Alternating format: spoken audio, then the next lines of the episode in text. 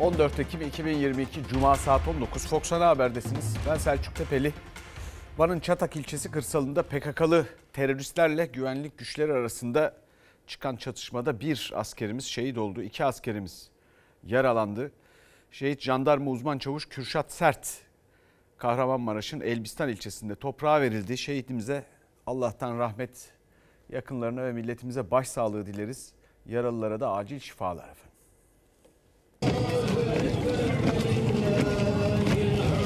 Acı haber Van kırsalından geldi. Teröristlerle çıkan çatışmada şehit olan jandarma uzman çavuş Kürşat Sert, memleketi Kahramanmaraş'ta vatan toprağına emanet edildi.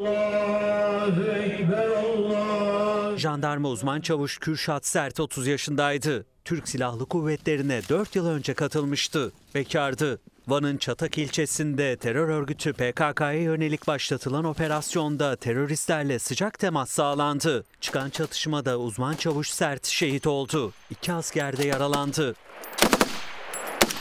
Şehit ateşi Kahramanmaraş'ın Elbistan ilçesine düştü. Cumhurbaşkanı Erdoğan, şehidin naaşını karşılamaya giden Cumhurbaşkanlığı İletişim Başkanı Fahrettin Altun'un telefonundan acılı baba Şahap Sert'le görüştü, başsağlığı diledi. Allah razı olsun. Allah seni başımızdan eksik etmesin. İnşallah, inşallah Sayın Cumhurbaşkanım. Şehit babası ben ve oğullarım vatan için askerlik yapmaya hazırız dedi. Amin. Beş tane efendim. Kız erkek. Üç erkek, iki tane kız. Bir de ben varım şimdi. Üçü de gene askere hazırız Sayın Cumhurbaşkanım. Şehit uzman çavuş Kürşat Sert, Elbistan Hocazade mezarlığında toprağa verildi. Şehit vatan toprağıyla buluşurken terörle mücadele ise hız kesmeden devam etti. MİT, Suriye'de yaptığı operasyonda terör örgütü PKK'nın sözde Tugay sorumlusu Geli Serhat Kodatlı terörist Necdet Dağlarer'i etkisiz hale getirdi. PKK'nın Irak'ın kuzeyindeki kamplarından kaçan 3 terörist de güvenlik güçlerine teslim oldu. Son bir yılda teslim olan terörist sayısı 101'e ulaştı. Mecliste bir süredir görüşmeleri süren biliyorsunuz bir sansür yasası var. Teklif geçti 40 maddesi birden. Şimdi neyi bekliyor? Resmi gazetede yayınlanmayı bekliyor. Fakat bu maddelerin tamamı geçtikten sonra bir fotoğraf yansıdı. AK Partili ve MHP'li Cumhur İttifakı ortaklarının vekilleri poz verdiler. Sansür hatırası. Teklifin tümünü oylarınıza sunuyorum. Kabul edenler, kabul etmeyenler teklif kabul edilmiş ve kanunlaşmıştır. Sizlerin büyük çoğunluğunuzun parti aidiyetiyle bu yasaya evet vermiş olsanız bile iç dünyanızda çok oturtmadığınızı biliyorum. Size acıyorum. Bu yasanın hazırlığında emeği geçen her bir arkadaşım onurludur, haysiyetlidir. Biz gazetecinin bir haber yaptığı için 3 yıl tutuklu yargılanacağı bir düzenin savunusunu nasıl yapabiliriz arkadaşlar? Muhalefetin itirazları, uzlaşı arayışları sonuç vermedi. Sosyal medyada yapılan bir paylaşıma ya da yayınlanan habere ilişkin tutuklu yargılamayla birlikte 3 yıl hapis cezası da içeren 40 maddelik düzenleme AK Parti ve MHP oylarıyla kabul edildi. Cumhur İttifakı ortaklarının çektirdiği sansür hatırası fotoğraflarıyla. Herhalde Stalin'den esinlendiler. Bu yasa Stalin kafasıdır. Amerikalı ilgililerle bu yasayı ve özellikle 29. maddeyi konuştuk. Amerikan Büyükelçiliği Baş Müşaviri, İç Politika, Uluslararası Politikalar Şefi. Ben de bu yasayı nereden aldı Mahir Bey diyordum. Meğer Amerikalılardan almış. Kutlarım sizi bravo. Onlar bizimle bu yasayı görüşmek istediler. Sonunda şunu söylediler. Bizim dezenformasyon yasamızla sizin yasanız birebir örtüşüyor dediler. Toplantıyı öyle bitirdik. Meğerse yasa Amerika'daki yasanın aynısıymış. Kutlarım sizi. Çalışmışlar, birlikte hazırlamış. Mutlulukla karşıladım. Hiç şaşırtmadınız. Muhalefet ve basın meslek örgütleri en çok da AK Parti'nin Amerikalı yetkililere de anlattık dediği sansür yasasının 29. maddesine tepkili. O maddeyle Türk Ceza Kanunu'nda yeni bir suç tanımı yapılıyor. Halk arasında endişe, korku veya panik yaratmak sahikiyle gerçeğe aykırı bir bilgiyi alenen yayan kimse bir yıldan 3 yıla kadar hapis cezasıyla cezalandırılır diyor. Ama Bir bilginin yanlış olduğuna kim karar verecek ya da bir kişinin alenen yayma suçu işlediği nasıl tespit edilecek? Açıklama yok. Mahkeme karar verecek ya arkadaşlar. Bahse konu mahkeme Asliye Ceza Mahkemesi. Asliye Ceza Mahkemesi gerçeği araştırmaz ki. Ne böyle bir yetkisi var, ne böyle bir görevi var, ne de böyle bir kabiliyeti var. ENAK enflasyon rakamı açıklayamayacak. ENAK'ın yetkilileri tutuklu olarak yargılanacaklar ve 3 yıla kadar ceza alabilecekler. Bakın Fahrettin Altun'un hazırladığı dezenformasyon bülteni. İlk haber 636 yıllık camiye PVC pencere taktılar. Bu diyor yalan diyor. İhlas Haber Ajansı da şimdi yayınladı. Diyor ki haberimizin arkasındayız. Keşke yalan olsa. Üstelik de resimleri de gösteriyor. Bakın resimler de burada. Şimdi siz 29. maddeyi geçirdiniz ya. Hapı yuttu birisi. Ya İhlas Haber Ajansı'nın muhabiri hapse girecek ya da Fahrettin Altun. Hangisi? AK Partili ve MHP'li vekillerin hatıra fotoğraflarıyla kanunlaşan düzenleme basın ilan kurumunun yetkilerini de arttırıyor. Kurum yazılı medya dışında internet medyasına yönelik yaptırım kararları da alabilecek. Bilgi Teknolojileri Kurumu cep telefonlarında bazı uygulamalar üzerinden yapılan mesajlaşma, görüşme, kullanıcı istatistiklerine ulaşabilecek kimlerin basın kartı alabileceğine Cumhurbaşkanlığı İletişim Başkanlığı'na bağlı üyelerin çoğunlukta olduğu komisyon karar verecek. Şimdi bu neyin fotoğrafıdır? Bir defa bu geçti. Önümüzdeki günlerde hep birlikte yaşayıp göreceğiz. Sonuçları ne olacak? Dahası var. Bu neyin fotoğrafıdır? Böyle mutlulukla verilen bu poz neyin fotoğrafıdır? Mesela Ankara'da muhalefette bir belediyesi var. İşte Ankara Büyükşehir Belediyesi muhalefette biliyorsunuz. Orada suyu indirdiler %50. Aldık kabul ettik. Sonra herkes şunu söylemeye başladı. Buradan da duyurduk. Bu %50 indirim güzel adım. ÖTV'ye, efendim köprü yol geçişlerine, akaryakıta, doğalgaza, elektriğe ülke genelinde uygulansın. Hükümet bu kararı da alsın. Dolayısıyla insanlar biraz rahatlasın bu memleketin kıymetli insanları. Bunu yaptılar da onun fotoğrafı mı? Hayır bu konuda hiç konuşmuyorlar. Onun fotoğrafı değil. Peki vergi dilimi indirimi istiyor. Üç tane sendika ve aynı zamanda işverenler. Şimdi o haberleri de göreceksiniz. Yüzde ona çekin şunu.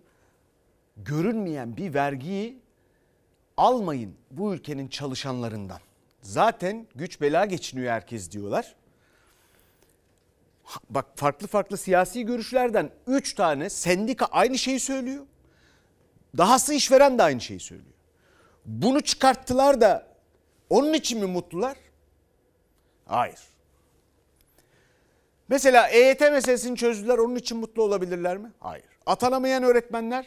Hayır. Sözleşmeli öğretmenlik? Asgari ücretten daha az para kazanıyor bu insanlar. İnsan öğretmenine böyle davranır mı? Hayır, onu da çözmemişler. Staj mağdurları SSK kaydı sayısın staj başlangıcı diyorlar. Onu çözdüler mi? Hayır. Emekliye zam mı yaptılar? Hayır onu da yapmadılar. Emekli 3500 lirayla onu da alabiliyorsa geçinmeye çalışıyor. Onları hiç umursamıyorlar. Hiç düşünmüyorlar onları. Ama ne kadar mutlular. Neden? Çünkü bir sansür yasası çıkarttılar. Bütün bu yapamadıklarını, beceremediklerini veya yanlış yaptıklarını sizden saklamanın bir yolunu bulmanın mutluluğu. Sansür hatırası. Ha bu arada Mahir Ünal AK Parti Grup Başkan Vekili şurada kürsüde görüyorsunuz. Ve hemen yanında da Ahmet Özdemir Kahramanmaraş Milletvekili AK Parti'nin tebessümlerini görüyorsunuz. Ve milletvekili de diyor ki Ahmet Özdemir Amerikalılara danışmışlar ya da onlar bilgi istemiş. Bunlar vermiş işte Amerikalılar da demiş ki bizimkiyle birebir örtüşüyor falan filan ve orada Amerika'nın bir Amerikalı yetkilinin referansıyla filan çıkıp kürsüde Türkiye Büyük Millet Meclisi kürsüsünde konuşuyor. Amerikalılar bu kadar çok seviyorlarsa alsın onlar uygulasın kardeşim. Bu nedir ya bu Amerikalılar falan kürsüden kimmiş Amerikalılar ya Amerika'nın müsteşarı kimmiş? Referans diye orada söylüyorlar ya utanmadan. Bu eziklikten kurtulun artık. Bu büyük Türk milletinin vekilisiniz siz orada ya. Neyse bu fotoğrafı unutmayın. Sansür hatırası. Mutluluklarını da yüzlerindeki mutlulukları da unutmayın. Peki Şimdi yeni bir süreç başlayacak. Bakalım Anayasa Mahkemesi sansüre dur diyecek mi? Bunun konuşulan 29. maddesi anayasanın 13. maddesine aykırı, Avrupa İnsan Hakları Sözleşmesi'nin 10. maddesine açıkça aykırı bir düzenleme. Getirdikleri düzenleme sosyal medyada ciddi önlemler almak, gazetecilerin yazdığı yazıları sansürlemek, engellemek. Amaç bu zaten. Anayasanın 22., 25., 28., 26., 13. ve 2. maddelerine bu yasa açıkça aykırı. Meclis Genel Kurulu'nda muhalefetin itirazlarına rağmen geçen sansür yasasına tepkiler sürerken CHP yasanın 3 yıla kadar hapis cezası getiren 29. maddesi başta olmak üzere bazı maddelerini Anayasa Mahkemesi'ne götürmeye hazırlanıyor.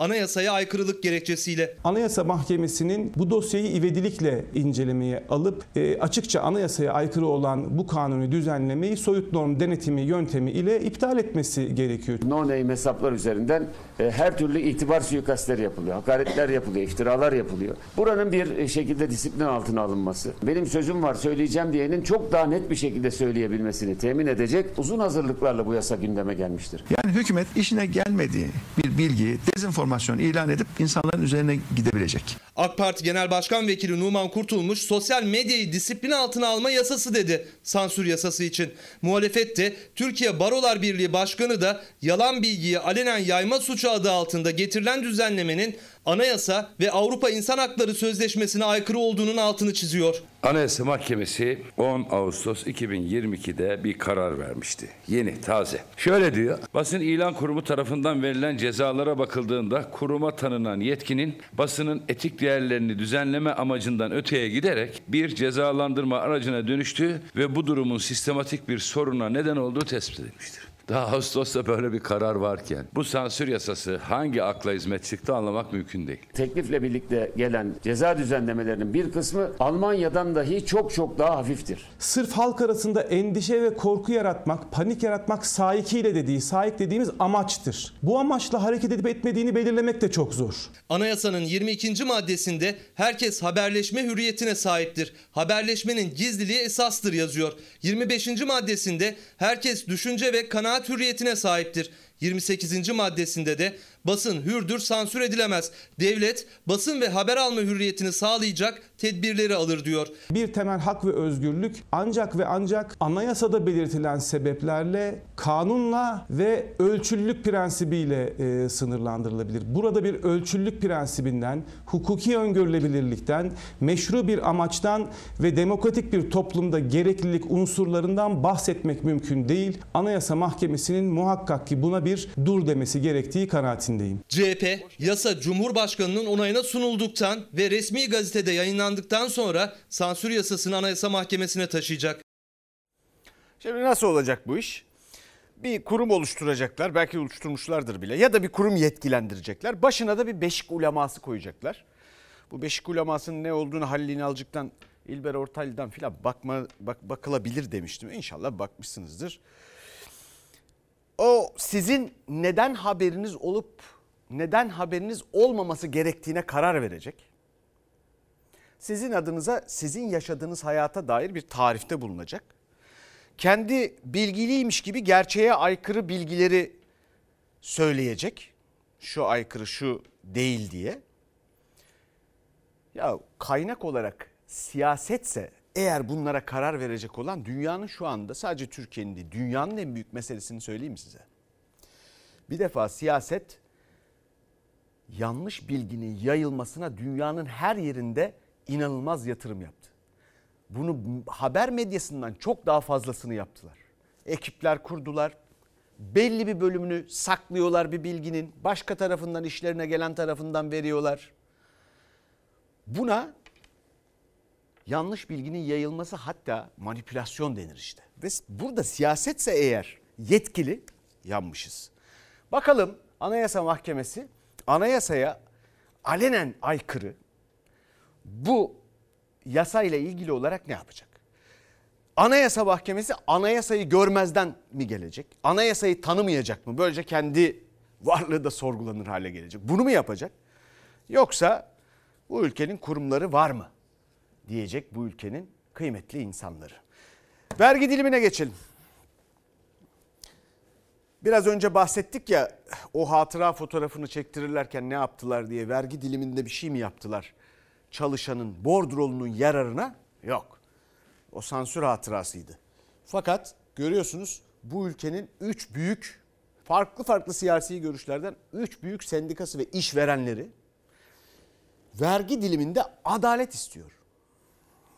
Kriz dönemleri bitene kadar gelir vergisi oranlarında vergi dilimlerinin sabitlenmesi diye bir çalışmamız da var. Acil olarak kriz sürecinde tüm ücretliler üzerinden alınan vergi oranının %10 olarak belirlenmesini, her bir vergi dilimi miktarının gözden geçirilerek 1 Temmuz 2022 tarihinden itibaren geçerli olmak üzere %42.5 oranında artırılmasını talep ediyoruz. Türk İş ve İşveren Konfederasyonu TİSK'ten sonra Hak İş'te vergi dilimi düzenlemesine ilişkin beklentisini Cumhurbaşkanı Erdoğan'a iletti. Acil düzenlemeye ihtiyaç var diyerek Hazine ve Maliye Bakanı Nurettin Nebati'nin yapamayız açıklamasına rağmen 2006 yılına kadar gelir vergisinde 5 puanlık bir indirim söz konusuydu. Da AKP yaptığı bir düzenlemeyle bu 5 puanlık gelir vergisi indirimini kaldırdı. Yok yapamayız. Dışarıdan görüldüğü gibi değil onun maliyeti 200 milyar lira civarında öyle bir şey. Bir laf var. Uyanı uyandırırsın ama uyuma numarası yapanı uyandıramazsın çünkü numara yapıyor. Toplu sözleşmeyle elde ettikleri düşük ücretlerini yukarıya çekmek için verdikleri mücadeleyi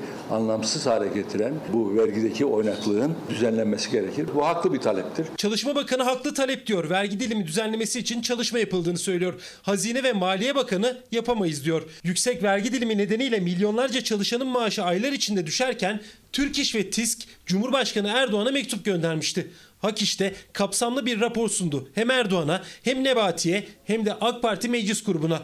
Torba yasa görüşmeleri komisyonda sürerken. Örneğin brüt maaşı 15.000 TL olan bir işçinin eline Ocak ayında net 11.399 TL'ye geçerken yıl sonunda bu rakam 10.342 TL'ye gerilemektedir. Bu kapsamda vergi uygulaması nedeniyle yaklaşık %10'luk bir ücret kaybı ortaya çıkmaktadır. Vergi gelirlerimizin oranı oldukça düştü. Aşağı yönlü herhangi bir çalışma yapmamız ya da vazgeçmemiz artık söz konusu değil. Enflasyonist bir ortamda yıl sonuna doğru enflasyon en yüksek rakamlara ulaşırken ve satın alma gücü düşmüşken çalışanların ücretleri üzerindeki bu azalma hakkaniyetle bağdaşmamaktadır. Hak işte Cumhurbaşkanı Erdoğan'a vergi dilimi nedeniyle düşen maaşları örneklerle anlattı. Hatta Almanya vergi sisteminden de örnek verdi. Eşlere hane halkı geliri veya bireysel gelirleri üzerinden vergilendirme konusunda tercih hakkı tanınmasını önerdi. Vergi dilimi artışı yapılırken enflasyon oranının dikkate alınmasını, çalışanların kira, elektrik, doğalgaz, eğitim, sağlık gibi temel giderlerinin gelir vergisinden muaf tutulmasını, İşçi ve işveren konfederasyonları yan yana vergi düzenlemesi için Cumhurbaşkanı'na sesleniyor. Sadede gelince herkes susuyor. Şimdi Hazine ve Maliye Bakanı Nebati ne diyor? 200 milyar biz bunu karşılayamayız. Ya diyelim ki o öyle değil diyenler var, uzmanlar var. 40 milyar lira bunun maliyeti diyorlar hani. Bir şey değil aslında. Hadi diyelim ki 200 milyar oldu. Hadi diyelim ki 2. Ya ne demek bu? Memleket insanıyla birazcık gelirini arttırmak üzere kaynakları paylaşmak kötü bir şey mi ya? Başka amacınız ne, ne ki sizin yani? 200 milyar olsun. E bakıyoruz görev zararları 152 milyar. Daha senenin başından bugüne. Faiz giderleri 173-174 milyar lira. Sözde faizi düşürüyorlardı. 200 milyar olsa ne olacak? Bakın ta 16. yüzyılda bir adam diyor ki Thomas More diyor ki halkın yoksulluğa düşmesinin baş nedeni siyaseti şurayı burayı dolduran sayıları da çok fazla hale gelen bal yapmayan kimi arıların başkasının emeğiyle geçinmeye başlamasıdır diyor. Şu 200 milyar lafı inanılır gibi değil. Ama tabii bizim etiketimiz bugün dahası var. Burada bitmiyor.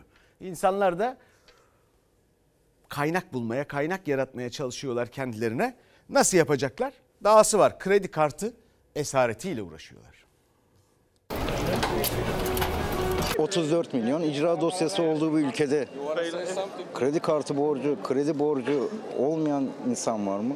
Sizin durumunuz nedir? Kredi borcum da var, kredi kartı borcum da var. Hiç kredi kartı borcum var. Bir yandan düşen alım gücü, diğer yandan her geçen gün artan fiyatlar. Birçok kişi geliri yetmediği için ya kredi kartına sarılıyor ya da kredi çekerek borcu borçla kapatmak zorunda kalıyor. Borcunu ödeyemediği için takibe düşenlerin sayısında rekor artış var. Borcundan dolayı takibe düşenlerin sayısı sadece Ağustos ayında 181 bin kişiyi aştı. Bireysel kredi ve kredi kartı borcu devam edenlerin sayısı ise bir yılda 516 bin kişi artarak 4 milyonu aştı. Onlardan sadece biri Erk esnaftı battı, dükkanını kapattı. 3850 liralık emekli aylığı kira ve faturalara yetmeyince krediye sığındı. Kara listeye alındı. Ben dükkanımı kapattım. Dayanamadım. İki sene pandemi. Bir sene ekonomik krizler son bir sene. Ne kadar borcunuz var? E, şu an herhalde 30-40 bin lira vardır. Kredi mi bu? Tabii. Ödeyebiliyor musun? Hayır. Takipteyim. Ne için kredi çektiniz? Geçinebilmek için, dönebilmek için, yaşayabilmek için, nefes alabilmek için. E, Bankalar arıyordur sizi illaki bu borçlar için. Allah rahmet eylesin. Kaybettik diyorum. Ne diyeyim? Borcunuzu yapılandıralım diyecek. Yapılandırdım borcu da ödeyemeyeceğim. Yalan da değil. Şu an ölmüş gibiyiz. Asgari ücretli Ferman Coşkun da borcu borçla kapatanlardan sadece biri. Faturalarını ödeyebilmek, çocuklarını okutabilmek için kredi çekti. O da ödeyemedi. 5 tane bankada var. Neden çektiniz diye sorsun. İhtiyaç vardı. Ev mi aldınız, araba mı aldınız, yazlık mı aldınız? Hayır öyle değil. Ee, Çocukların e, kılık kıyafetleri olsun, okul masrafları olsun onları çektik. E, Şu anda da ödeyemiyoruz yani. Asgari ücretle çalışıyorum. Ev kira zaten. Kira ne kadar? Kira 3500. Ne kadar zamanda oldu bunlar? Bunlar bir sene içinde oldu bu kadar. Kara listedeyim zaten şu anda herhangi bir şey yok yani. Bir küçüğü var onu okuldan almam almam gerekecek seneye. Üniversiteye gönderemeyecek misin? Yok gönderemeyeceğim. Bilmiyorum şu anda ne diyeceğimi bilemiyorum. Görünen o ki bu borçlar ev ve araba gibi büyük büyük alımlar için değil, en temel ihtiyaç olan geçinebilmek için alınıyor. Ancak sıra ödemeye geldiğinde zaten ödenebilecek olsa bu borç hiç olmazdı dedirtiyor. Bankalardan toplam çekilen kredi miktarı da rekor seviyede. Bir haftada bankalardan 2 milyar 182 milyon ihtiyaç kredisi çekildi. Kredi borcunuz var mı? Evet borcumuz var. Ne için çektiniz? Geçinemiyoruz diye sıkışıyoruz. Kira şuna buna eşim gidip çekiyor yani. Kredi kartı borcu var mı? Ya var. Kızım liseye başladı gitti hep kredi kartına borç etti yani. Okul masrafları için. Evet okul masrafı için ya hep kredi kartı kullandı yani. Gidiyorsun markete iki poşet alıyorsun bakıyorsun 300 milyon para yani bazen diyorum gideyim mi gitmeyeyim diye yani şey diyorum yani. Ne yiyeceksin? E, onu da işte düşünüyorum. Kıymetli izleyicilerimizden gelen mesajlar dahası var. Avukatlık dünyada saygın ve itibarlı bir meslektir. Devlet bu saygınlığını ve itibarın korunması için önlem almalıdır diyor. Ee, avukata kamuda yer açın demişler. Dahası var diyerek. O kadar çok atamayla ilgili mesaj geliyor ki bu şartlarda öyle bir performans beklediğinize ben de doğrusu şaşırıyorum. Yani bu atamaların yapılacağına dair. Efendim bir de konut meselesi var. Ev sahibinin derdi ayrı, kiracının derdi ayrı. Fiyatlar aldı başını gitti. Ama son zamanlarda konut satışlarında çok sert bir düşüş var. Konutta fiyat balonu belki de sönüyor. Ev almaya gücünüz yeter mi? Oo, kaç tane istiyorsun? Pahalı mı ev fiyatları? Herhalde pahalı kızım pahalı. Bir bodrumumuz var Allah'a şükür diyoruz oturuyoruz. Başka bir çaremiz yok. Maaşı aldık mı hemen kirayı veriyoruz ama biz aç kalıyoruz. Çok ciddi bir durulma var. Son bir yılın en sert düşüşünü Eylül ayında yaşadık. İnşallah ev çıkar. Geçinemediği için gözyaşı döken dar gelirli için yüksek fiyatlar nedeniyle ev almak uzak bir hayalden öteye gidemiyor. Ama durum birçok kişi için aynı. Bu TÜİK verilerine de yansıdı. Konut satışında son bir yılın en sert düşüşü yaşandı. Konut satışları geçen yıla göre %22,9 azaldı. Büyük bir balon vardı o söndü diyebiliriz. Sürekli anormal artışlar yaşıyorduk. Hani haftada 50 bin lira arttıran oluyordu. Bazen günde 50 bin lira arttıran oluyordu. Şimdi e, geri gelmeye başladı rakamlar. Bakırköy'ün göbeğinde 50 yıllık 100 metrekarelik bir dairedeyiz. Bundan 2 ay önce bu 3 artı bir dairenin fiyatı 3 milyon liraydı. Şu anda 2 milyon 600 bin liraya kadar düştü ama ne yerli ne de yabancı talep yok. Emsal fiyatları 2 artı bir daireler 2,5-2,600 seviyelerindeyken bu daire 2 milyon 600 bin lira. 3 milyonla yola çıkmıştık. E, 400 bin lira bir düşüş yaptık. Şu an daha da pazarlığımız var ama alıcısını bekliyoruz. Ne kadara kadar düşersiniz? Yani büyük ihtimal 2 milyon 500'e kadar düşeceğiz. Fiyatlar biraz düştü diyorlar. Ben görmedim düştüğünü. Ne duydum ne gördüm. Hayal oldu tabii ki. Trenin peşinden koşuyorsunuz. Siz tam yaklaştım derken o bakıyorsunuz daha da uzaklaşıyor. Artık çok mümkün değil yani. Trene yetişmek kadar zor bir şey. Ev sahibi olmak zaten çok zordu. Yüksek kredi faizleriyle artık hayal oldu. 1 milyon liralık kredinin bile aylık taksidi özel bankalar için 27.400, devlet bankaları için 16.429 lira. Eski binalardaki rakamlardaki düşüş biraz daha devam edecek. O balon söndüğü için rakamlar e, yavaş yavaş hakkı olan seviyeye doğru geliyor. Yeni binalarda ise durum maliyetlerle orantılı. Maliyetler azalırsa bu rakamlar da geri gelecektir ama şu an yukarı yönlü ilerlediği için yeni binalardaki rakamların e, düşmesi biraz daha sürecektir. O eski binalarda düşüş devam etse de ne asgari ücretli ne de emekli için ev almak kadar ev kiralamak da artık çok zor. Bu fiyatlarla alma imkanınız var mı? Yok. Yok. Kredi de çekmem 3-4 katı. Bütçeniz yeter mi? Hayır yetmez. 4 milyar maaş alıyorum, emekliyim. 3 milyar kira veriyorum. Bunun elektriği, suyu, doğalgazı param yok. Yemin ederim. Bir benim emekliliğimle de zaten inan ki çıkıp dinleneceğim o duruma geliyorum. Ben burada çadır kurup oturacağım. Şule Öztürk İnce de e, haber merkezinden arkadaşımız iyi pazarlık ediyor. Bir yüz daha kopardı gibi görünüyor. Yüz bin daha indirtti sanki. Siz de pazarlık edin. Sıkı pazarlık edin. Eğer bir ümidiniz varsa. Efendim şimdi hangi partiden üyelik ya da oy vermiş olursanız olun. Hangi partiye oy vermiş olursanız olun. Biz burada seçmenin temsilciliğini, avukatlığını yapıyoruz. Dolayısıyla hangi partiye oy verdiğiniz önemi yok. Ayıp da değil. Bir partiye oy vermiş olmak oy denen şeyin demokrasinin tabiatına aykırı. Fakat şunu asla unutmayın. Talep edin. Talep edin çünkü bugünkünden bütün bu israfı, bütün bu yanlış kararları, politikaları, bütün bu berbat performansları siyasette görüyorsunuz. Bu ülke 3 kat daha zengin olur. Bunu asla unutmayın. Ve daha da güvenli bir yer olur. Ama gelin görün ki bizim partilerimiz doğum günü partisi gibi partilerdeki yabancı skandalı büyüyor ve bir de sicil korkusu baş gösterdi. Hiç ihtimal vermiyordum aslında. Bir parti üye olduğumu öğrendim. Şimdi ne yapacağımı da bilmiyorum. Herhangi bir başvuru yapmadığım halde İyi Parti Diyarbakır Bağlar İlçe Teşkilatı'nda üyeliğimin olduğunu öğrenmiş oldum. Fox Haber'i izlerken siyasi parti üyeliğimi sorguladım. AK Parti'ye üye olduğumu görüyorum. Partideki yabancı skandalı da büyüyor. Fox Haber gündeme getirdikten sonra e-devlet sistemi kilitlendi. Uzun süre sorgu yapılamadı ama sisteme giren birçok kişi bilgisi dışında siyasi partilere üye olduğunu öğrendi. Amasya ikametgahlıyım. Fox TV'nin uyarısıyla E-Devlet'ten yaptığım kontrolde İstanbul Bayrampaşa Büyük Birlik Partisi aktif üyeliğim görüküyor. Benim iradem dışında nasıl gerçekleşebilir böyle bir şey? İlla ki bir e, kayıt için bir imza gereklidir diye düşünüyorum. Ama onun dışında nasıl gerçekleşti anlayamadım, şaşırdım. Ankara'da yaşayan Öznur Özoğul Anavatan Partisi üyesi çıktı. Antalya'da yaşayan Mehmet Ali Serin ise yine İstanbul Bayrampaşa'dan Büyük Birlik Partisi'ne üye kayıtlara göre. Fox Haber muhabiri Öznur Aslan da bilgisi dışında parti üyesi olduğunu E-Devlet'ten öğrendi. E-Devlet'ten siyasi parti üyeliğimi sorguladığımda partideki bir yabancının da kendim olduğunu fark ettim. Demokrasi ve Atılım Partisi'ne yani Deva Partisi'ne kayıtlı olduğumu gördüm. Ancak bu partinin kapısından bile bugüne kadar geçmemiştim. Herhangi bir formda doldurmadım. ıslak imza da atmadım. Buna rağmen kaydım nasıl yapıldı bu da bilinmiyor.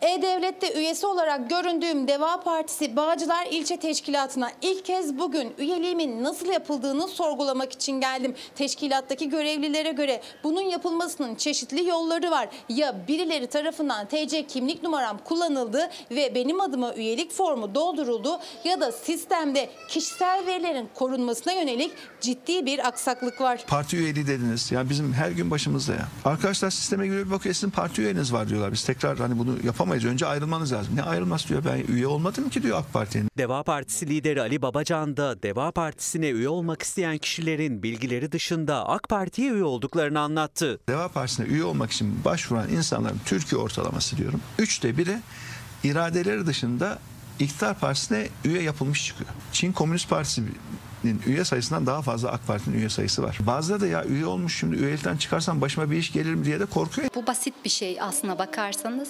Bu oluyorsa bunun dışında başka şeyler, daha önemli şeyler de olabilir. Tedirginlik yarattı açıkçası. Tedirginler çünkü üyelikten istifa etseler de kaydı kabul etmiş oluyorlar. Ve üyelikler kağıt üstünde silinse de kayıtlardan silinmiyor hukukçulara göre. En büyük endişeleri de ileride bu üyeliklerin başlarına iş açması. Bu parti üyeliğim gelecekte e, karşıma nasıl sıkıntıların ve nasıl sorunların çıkaracağından da kuşkuluyum. Bizleri siyasi partilere üye yapan sorumsuz kişilerden hesap sormak üzere Cumhuriyet Başsavcılığına suç duyurusunda bulunmak üzere geldim.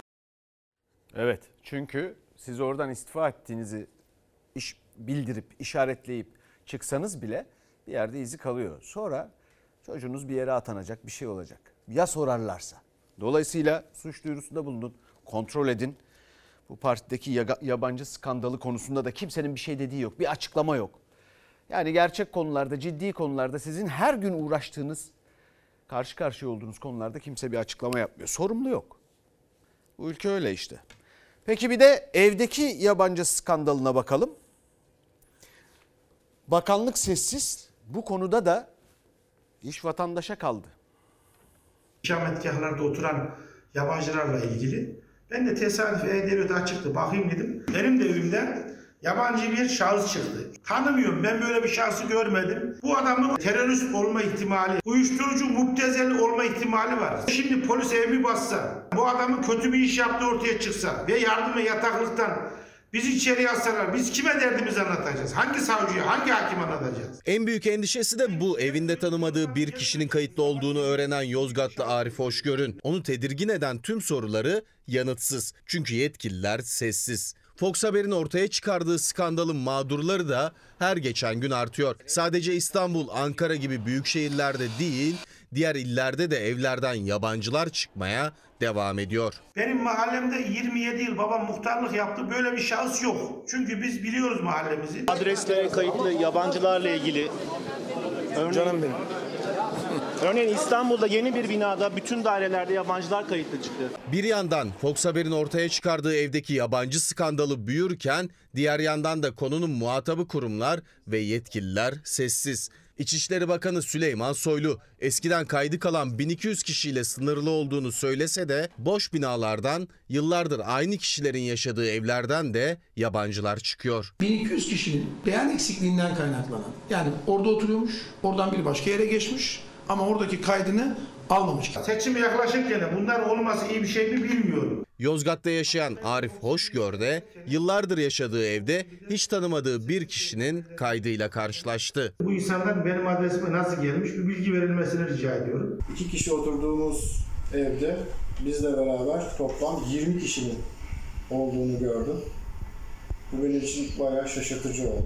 Devletin yürüttüğü işlerde böyle sıkıntılar ortaya çıkarsa biz kime güven duyacağız? Evlerinden yabancılar çıkanların sayısı da endişe de katlanıyor. Çünkü bu durumu tespit etmekte, bu durumla baş etmekte sadece onlara düşüyor. Onlar hem net bir açıklama hem de somut bir adım bekliyor yetkililerden. Bilmediğim bir kişi ikametgahıma kaydedilmiş. Bu kişi terör örgütü mensubu mu ya da başka bir suça dahil mi bilmiyorum. Benim bilgim dışında E-Devlet üzerinden nasıl böyle bir şey yapılabilir? Bunu da hala çözemiyorum. İşte teknolojinin suistimal edilmesi. Şimdi bir mesaj da aldım. Bir kıymetli hocamızdan, bir üniversiteden. Kendisinin de bakmış, kontrol etmiş. Ee, AK Parti Buca teşkilatına üye olduğunu ve bundan haberi olmadığını söylüyor. Başka öyle pek çok mesaj da geliyor.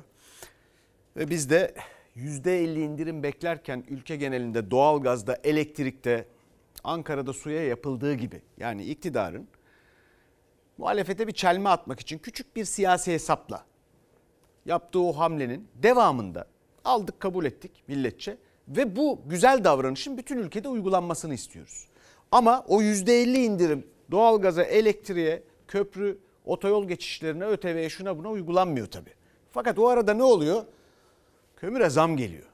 Yine geldi doğalgazla yarışıyor. Bu sene belki araba lastiği yakacağız. Kömür alamayacağız. Kömür almadım ben. Gün gün zam geliyor. Ne bulursak onu yakacağız. İki gün gidiyor sadece bir torba kömür. Hesaplarsak ay sonra çıkamayacağız. Tam da kışa girerken vatandaş kara kışı nasıl geçireceğini kara kara düşünürken Türkiye Taş Kömürü Kurumu kömüre zam yaptı. Ocak ayından bu yana yapılan zam oranı tam %104. Devlete ait Türkiye Taş Kömürü Kurumu kış öncesi duyurdu zam kararını. 30 Eylül 2022'den geçerli olmak üzere 1 ton kömürün satış fiyatı 4720 lira olarak belirlendi. Oysa daha 1,5 ay önce kömüre %74 zam yapmıştı. Ocak ayından bu yana zam %104. Almadım. Üç tane de çocuğum var. Yani hani çocuk olmasa bir şekilde battaniyeyle yorganın altında dururuz. Ama çocuk var. Mecbur bir şeyler yapılacak yani. Geçen sene savaş öncesinden 70 lira olan bir kömür yani yaklaşık e, %100 yapıldı. İthal kömür tonu 5800. Torbası ne kadar oluyor? 145 lira. İthal kömürün fiyatı yaklaşık 6 bin lira. Kömürün başkenti Zonguldak'ta ise Türkiye Taş Kömürü Kurumu çıkardığı yerli kömürü satıyor. 2021 Ocak ayında tonu 1180 liraydı. 2022 yılı Ocak ayında %94 zam yaptı taş kömürü. Bir ton kömürün fiyatını 2301 liraya yükseltti. Hiçbir şekilde kömür alacak durum yok. Türkiye Taş Kömürü Kurumu 2022 Ocak ayında tonunu 2301 liraya sattığı kömüre Ağustos ayında %74 zam yaptı. Bir ton kömürün fiyatı 4012 liraya yükseldi. Daha üzerinden bir buçuk ay geçmeden yeni zam kararı aldı. %17'lik zamla yerli kömürün fiyatı 4720 lira oldu. 2021 Ocak ayından bu yana %300, son 10 aydaysa %104 zam demek bu. Bahçeli kestim odunları, odun yakacağım yapacak bir şey yok. Genelde dışarıda geçiyor hayatımız. Elimizi ısıttı mı yetiyor bize. Konutlarda kullanılan doğalgaza Ocak ayından bu yana gelen zam %110. Türkiye Taş Kömürü İşletmesi'nin kömüre yaptığı zam da %104. Kömürün fiyatı doğalgazla yarışıyor. Şu anda kömürle ilgili hiçbir yani alma şansım yok. Çalışmıyorum. 6 aydır hiçbir şey inşaatçıyım, kalıpçıyım. İş yok. Zaten bizim bizim kışın hayatımız o. Bir oda, hapishane gibi. Ankara'da ithal kömürün fiyatı 5800 lira. Yeni zam beklentisi var. Yaklaşık bir 7 bine falan çıkar gibi tahmin ediyorum. Sobalı bir evde yaşayan bir aile bir ton kömüre 7 milyar verirse ortalama kışta bir kışta 2 ton kömür yakacak. Askeri ücretle çalışan adam nasıl geçimini sağlayacak?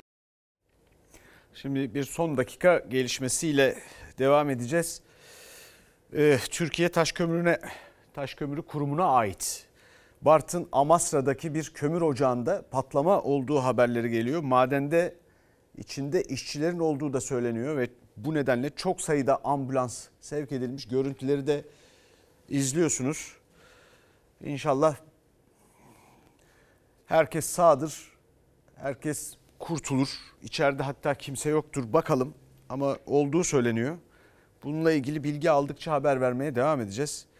Allah kolaylık versin kurtarma çalışmaları ile ilgili de. Bir sonraki haberle devam ediyoruz. O da tarımda bir yolsuzluk haberi. Hem de bir ihale haberi. Hem de sahte imza ile ihale haberi.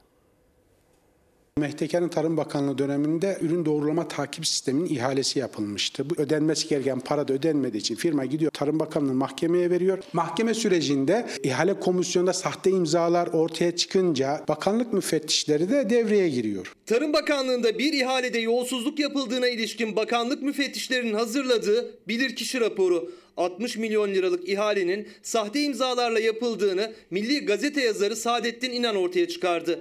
İhalede imzası olan Tarım Bakanlığı çalışanı müfettişlere verdiği ifadede ihale komisyonunda yer almadığını, kendisine ait olduğu iddia edilen imzanın sahte olduğunu anlattı. Ürün takip sistemi işinin de ihale komisyonunda görev almadım ve ihalesine de katılmadım. İsmim ve ünvanım yazılarak atılan imzalar şahsıma ait değildir. Bu imzalar söz konusu vatandaş itiraz edince kriminolojiye gidiyor ve bu sahte imzanın da sahte olduğu zaten kriminolojiden de doğrulanıyor. Yolsuzlukların olmadığı, rüşvetin olmadığı, yoksulluğun olmayacağı bir Türkiye'yi biz hallederiz. Cumhurbaşkanı Erdoğan'ın yolsuzluk çıkışından bir hafta sonra Milli Gazete'nin haberi Tarım Bakanlığı'nda 2013 yılında ürün takip sistemi ihalesi yapıldı. Dönemin Tarım Bakanı Mehdi Eker ihaleyi alan firma ödeme yapılmayınca mahkemeye gitti. İhale incelemeye alındı. İhalenin sahte imzalarla verildiği de o incelemede ortaya çıktı. Soruşturma izni istiyor.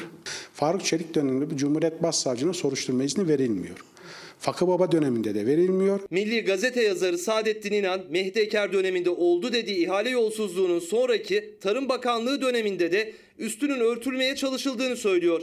Faruk Çelik ve Ahmet Eşref Fakıbaba'nın Cumhuriyet Savcılığına soruşturma izni vermediğini, zaten o iznin verilmediği bilirkişi raporunda da açıkça yazıyor. Bu kararların hiçbirinde ne bakanın imzası var, ne genel müdürün imzası var, ne teftiş kurulu başkanı imzası var. Hepsinde alt düzey memurlara yaptırılmış. Tarım Bakanlığı çalışanı Çİ ihale komisyonunda yer almamasına rağmen soruşturmaya konu olan 60 milyon liralık ihalenin altında imzası olduğunu ihalenin üzerinden 3 yıl geçtikten sonra müfettişlerin sorusuyla öğrendi. İmzasının kopyalandığını söyledi. İmzayı ben atmadım. Benim başka bir belgedeki imzam alınarak bu belge kopyalanmış olabilir. Bu belgenin ıslak imzalı hali beni doğrulayacaktır. O dönemin bakanı Mehdi Eker imza atmış olsaydı bugün kamu zararı direkt Mehdi Eker'den tanzim edilecekti. Bugünler düşünüldüğü için çünkü bütün hepsi kurgu olduğu için Mehdi Eker bu ödemeyle ilgili kararı imza atmıyor.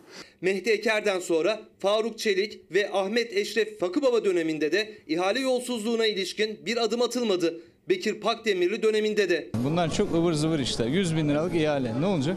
Ama ihale sonradan yapıldı değil mi? Sonradan yapılsa ne olur? Bu sizin yaptığınız gazetecilik değil maskaralık. Pakdemirli'den sonra Tarım Bakanlığı koltuğuna Vahit Kirişçi oturdu. Saadet Partisi Milletvekili Abdülkadir Karaduman Temmuz ayında Tarım Bakanı Kirişçi'ye sahte imza ile verilen 60 milyonluk kamu zararına neden olduğu iddia edilen ihaleyi sordu. Bakan 3 aydır soru önergesine yanıt vermedi. O zaman bakan olan, Tarım Bakanı olan Mehdi Eker o zamandan beri at biniyor. Diğer Tarım Bakanları da e, işte biraz önce izlediniz siz de. Diyor ki ıvır zıvır bunlar ne olacak şu kadarlık ihale filan. Bu da 60 milyonluk.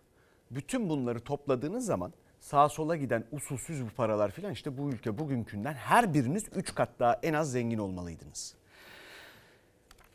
Ve çocuklar o zaman kantinin yolunu unutmazlardı. Onlara verilecek parası olurdu bu milletin. Abisine ayakkabısını giydiriyorum. Kocamandır görüyorsun. Çocuk içine yürüyemiyor. Bak babası dikti iğneyle iflah. Ne yapacağım ben? Ne koyuyorsunuz beslenmesi? Ha bugün mesela pirinç koydum. Pirinç koyulmaz zaten. Beslenmesinde pilav, ayağında abisinin iki numara büyük ayakkabısıyla okul yolunda o da. Eşi asgari ücretle çalışan üç çocuk annesi Halime Çetin evde ne var ne yoksa bulup buluşturup çocuklarının okulda karnı doysun diye beslenme çantasına koyuyor. Okul kantininde tostun tanesi 15 lira, suysa 3 lira. Benimki de üç tane okuyor. Engelim var benim. Baba tek çalışıyor. Abisinin ayakkabısını giydiriyorum. Kaç numara giyiyorsun? 36. 36. Şimdi 38 bu 30 40'tır. Şu kadarlık tost 15 lira abi. Vallahi kantinde 5 liraydı 12,5 olmuş. Tostlar. Bir tane döner olmuş 15-20 lira. Çocuklar artık yavan ekmek yiyorlar. Su alırken bin kere düşünüyorlar. Yani 3 lira olmuş bir su. Veli Derneği ses yükseltti. Çünkü çocuklar yeterli beslenemiyor. Üç çocuk annesi Şükran Korkmaz da okul başladığından beri evde yaptığı tostu bile koyamadı çocuğunun beslenme çantasına. Daha bu sene mesela hiç tost koymadık. Kaşar alamıyoruz gerçekten. Üç tane öğrencim var. Kantinden bir şeyler alıyorlar. Hiçbir şey almadık şu ana kadar. Bak e, marketten verdiğimi yiyorlar zavallılar. Yumurtanın tanesi kaç lira olmuş siz biliyorsunuz. E dört çocuğa e, birer yumurta yeseler sosyal yardımın verdiği. Onun dışında da süt alınmıyor, alınabiliyor mu? En kötüsü 16 lira falan olmuş. Beyoğlu Hacı Ahmet Mahallesi gibi İstanbul'un bazı semtlerinde derin yoksulluk kendini daha çok hissettiriyor. Öyle ki buradaki öğrenciler kantinin yüzünü görmeyi bile unutmuş. İşte bu yüzden anneler en azından günde bir öğün beslenmenin çocuklar için ücretsiz verilmesini istiyor. Burası devlet okulu. Bir öğün beslenme ücretsiz verilmesini istiyoruz. Kantine biz gidemiyoruz. Yani benim kızım toplasan 3 senedir gidiyor. Bir kere belki gitmiştir kantine. 3. sınıf. Gelişim çağındaki çocuklar için gerekli olan süt ve yumurta beslenme çantalarına uğramıyor artık. Gıdaların en ucuzunu tercih etmek zorunda kalıyor anne babalar. Ne koydunuz bugün beslenmesine mesela? Zeytin, peynir, meyve suyu.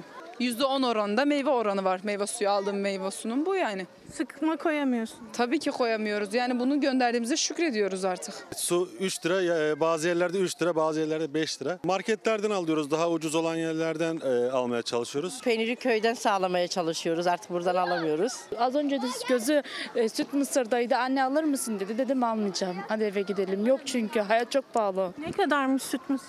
Bardağı 5 lira. Azıcık bir şey 5 lira. Bakalım bu akşam orta sayfada neler var. Ondan sonra Amasra'daki kömür ocağı patlamasına döneceğiz.